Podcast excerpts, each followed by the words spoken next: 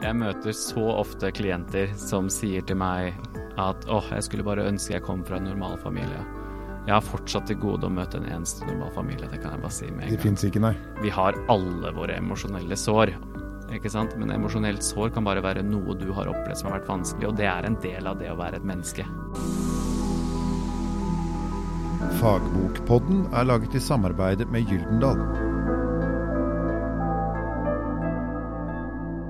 Fagbokpodden har fått besøk av Aksel Inge Sinding, som har skrevet en bok sammen med Jan Reidar Stigler og Leslie Greenberg. Men det er bare du som er her i dag, Aksel. Mm. Boken heter 'Klok på følelser'. Og det å eh, skjønne hva følelsene prøver å fortelle oss, det høres jo uh, ut Altså, jeg har liksom alltid tenkt at følelser er liksom litt sånn man må prøve å riste av seg litt eh, for å ta fornuftige beslutninger, men det virker som du går litt eh, Litt den andre veien. Ja, og det er jo egentlig en av hovedgrunnene til at vi har valgt å skrive denne boken, fordi følelsen har fått et ganske sånn frynsete rykte i samfunnet generelt. Og det har oppstått en slags sånn kløft mellom den faglige forståelsen i psykologien av følelser, at følelser må faktisk uttrykkes, og vi må akseptere det. Vi kan ikke prøve å kontrollere og undertrykke følelser. Det leder veldig sjelden til noe godt. Det vil de fleste psykologer være veldig enig i. Men det å si til noen at ja, men du vet, han er så emosjonell, han, vet du. Det er jo ikke noe positivt, egentlig. Nei, for det har oppstått en slags sånn negativ konnotasjon da, rundt det med følelser, at emosjonell og irrasjonell nevnes i nesten sånn samme åndedrag.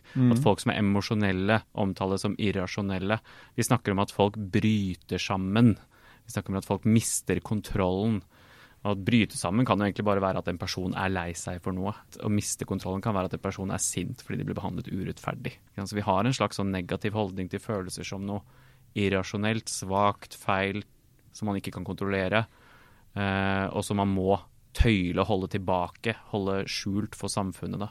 Når egentlig hele vitenskapen viser oss at vi, vi kommer ikke langt ved å prøve å kontrollere og tøyle og undertrykke følelsene våre.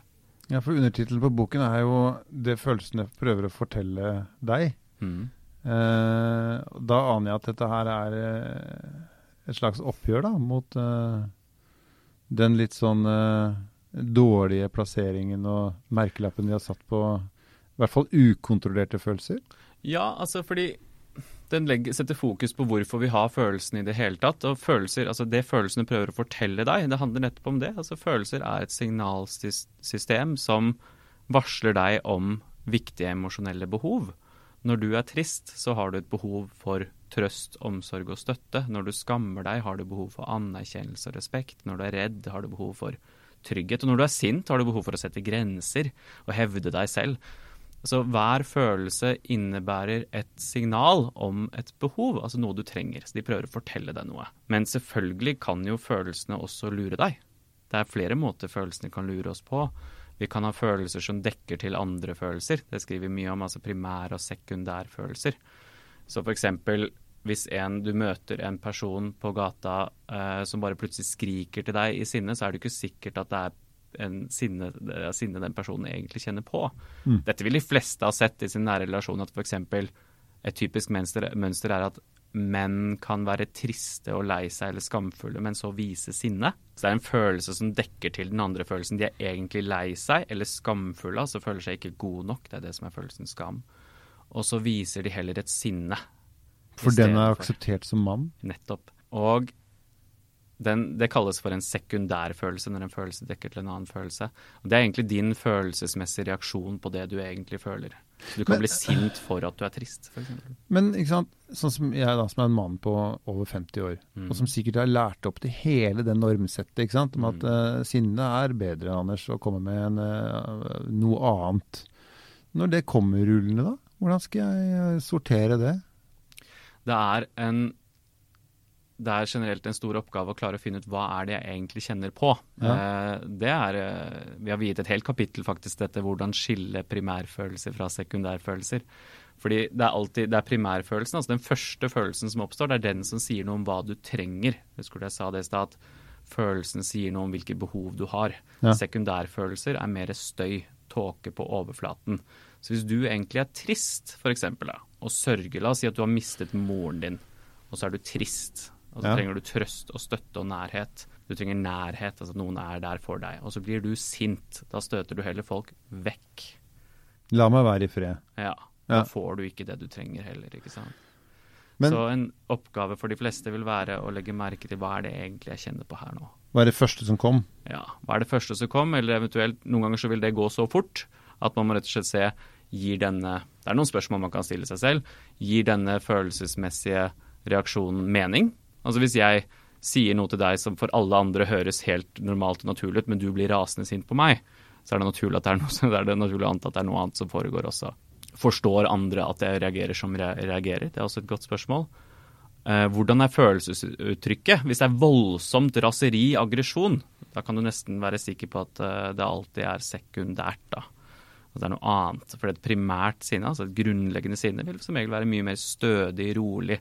En slags tydelig grensesetting. Det er forankret på en måte. Ja, riktig. Nå, Nå er behandler du meg dårlig, nå er det nok, dette aksepterer jeg ikke, hold deg unna.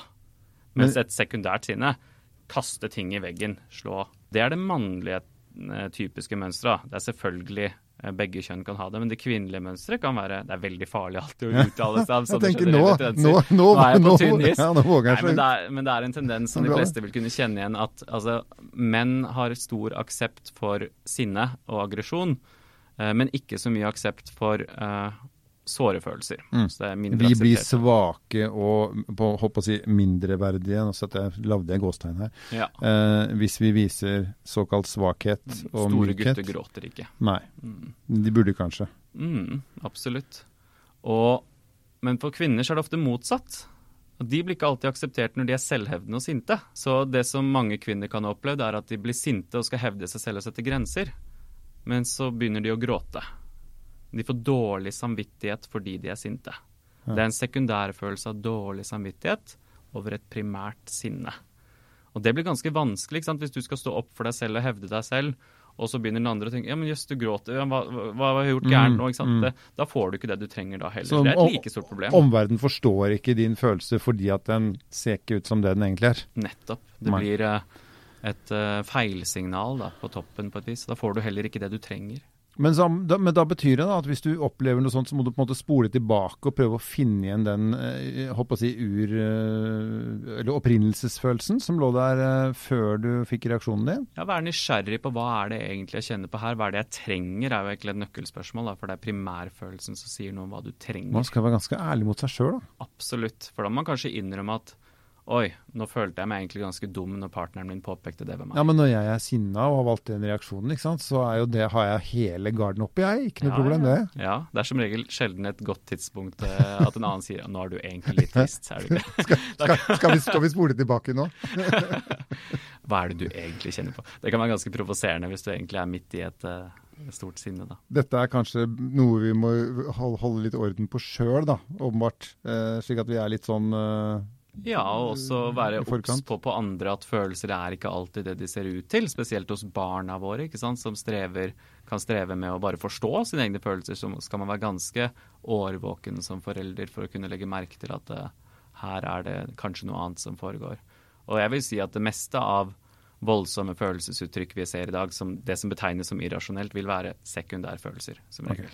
De kommer av noe. Yes, det er noe annet som ligger under. Ja. Og det er den ene måten da, følelser kan forvirre oss på. Og den andre måten som også boka oppfordrer en del til å utforske, er hvordan gamle følelser kan prege oss i nåtid. Hva tenker du på da? Ting som man har opplevd, traumatiserende ting som man har opplevd, eller bare ting man ikke har gjort opp med? Hvor Ja, Det må ikke være traume. Eh, Det kan være små gjentatte eh, opplevelser av å bli kritisert, f.eks. Små eh, gjentatte episoder av å ikke få lov til å føle som man føler. Det kan være ubearbeidet sorg over noe. Det kan være, det kan være bare nære relasjoner. La oss si at du har hatt en forelder da, som aldri har akseptert at du er lei deg for noe, f.eks. Et eller annet du aldri har gjort opp med? Eksempel. Ja. Det er jo en av øvelsene i boka. Uoppgjort forhold. Okay. Der man jobber med hva man eventuelt Altså vanskelige ting med en annen person som er nær deg. Og disse tingene, når vi har vonde opplevelser, så vil hjernen gjøre alt den kan for å hindre at du opplever det igjen. Og er det noe nevrologisk forskning viser oss, så er det at når vi har sterke følelser, så huskes ting bedre. Så ting der du føler sterkt, vil du huske bedre enn ting der du ikke føler. Um, og de gamle emosjonelle minnene, altså minner av å bli f.eks. kritisert, uh, herset med, eller sviktet, eller forlatt, alene, eller eh, ikke bli trøstet, eller ikke kunne stå opp for deg selv, det kan lagre seg som emosjonelle minner i kroppen og som spiller seg ut igjen seinere. Mm. Og da kan følelsesuttrykkene plutselig bli ganske voldsomme da i voksen alder. Men er man ødelagt hvis man har for mye sånn bagasje? Er det mulig å bli i gåseøyne frisk eller balansert i forhold til det, og ikke lenger påvirkes av det? Jeg vil bare slå fast altså, nei, du er ikke ødelagt. jeg møter så ofte klienter som sier til meg at åh, jeg skulle bare ønske jeg kom fra en normal familie. Jeg har fortsatt til gode å møte en eneste normal familie. Det kan jeg bare si med en gang. Det ikke, nei. Vi har alle våre emosjonelle sår. Og et mm. emosjonelt sår behøver ikke å være et traume.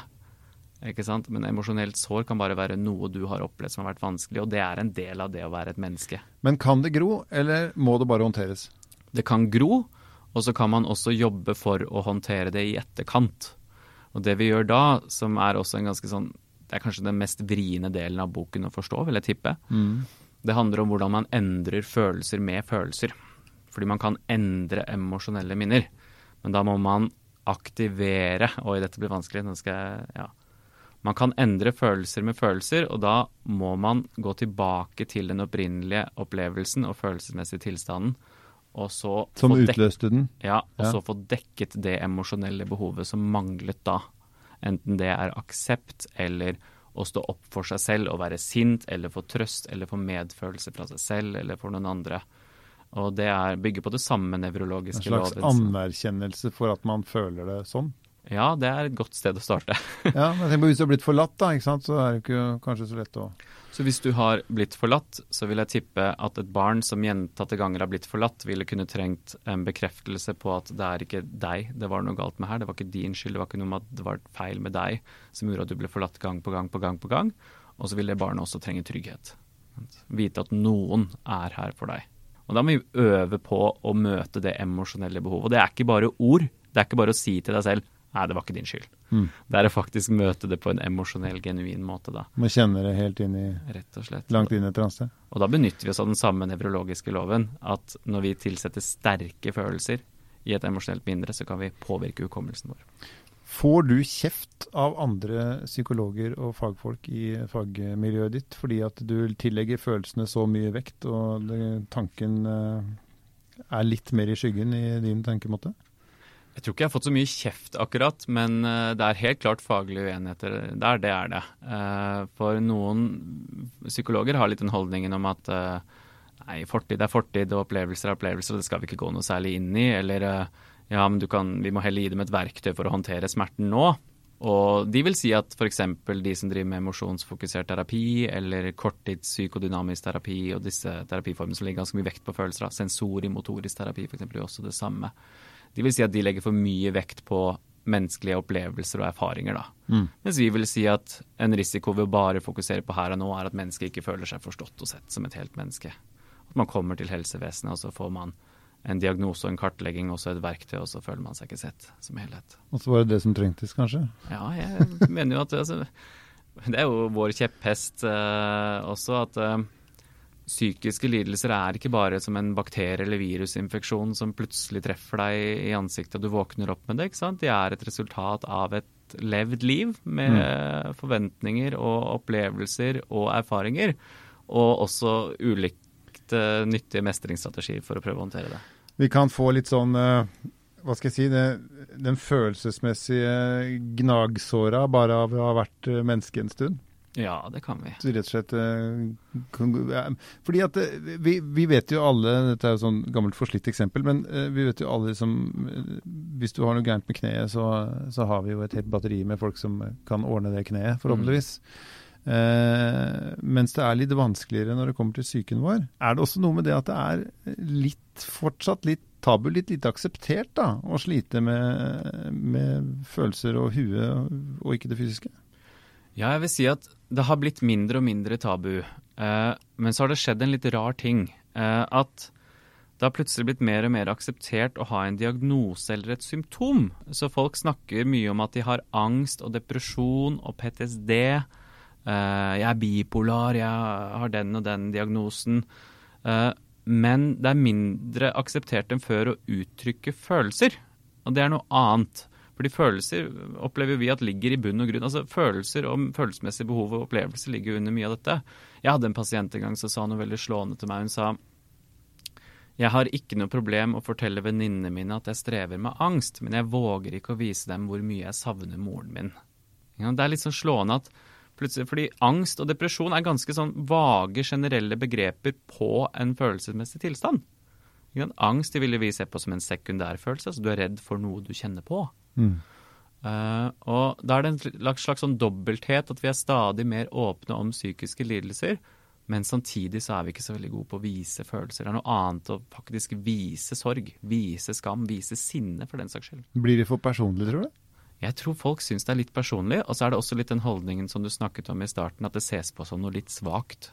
Okay. Noe som skal kontrolleres, noe som er litt sånn negativt. Kanskje spesielt i Norge så verdsetter vi en litt sånn slags sånn behersket tilfredsstillelse. Altså, du, du, skal ikke vise stor sorg, du skal ikke vise stort sinne, du skal ikke vise at du skammer deg. Det er liksom, det er liksom Nei, du skal ta OL-gullet og synes å være beskjeden. Ja, men til og med når du er glad, så skal du ikke være jublende, liksom. Nei, nei. Så ikke være så glad. Ikke for mye.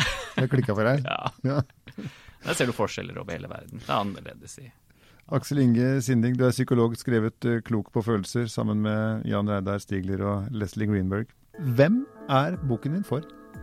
Boken min er for alle de som har lyst til å forstå litt mer av hvorfor de føler som de føler, og utforske hva de følelsene prøver å si, og eventuelt jobbe med følelsene sine for å få det bedre.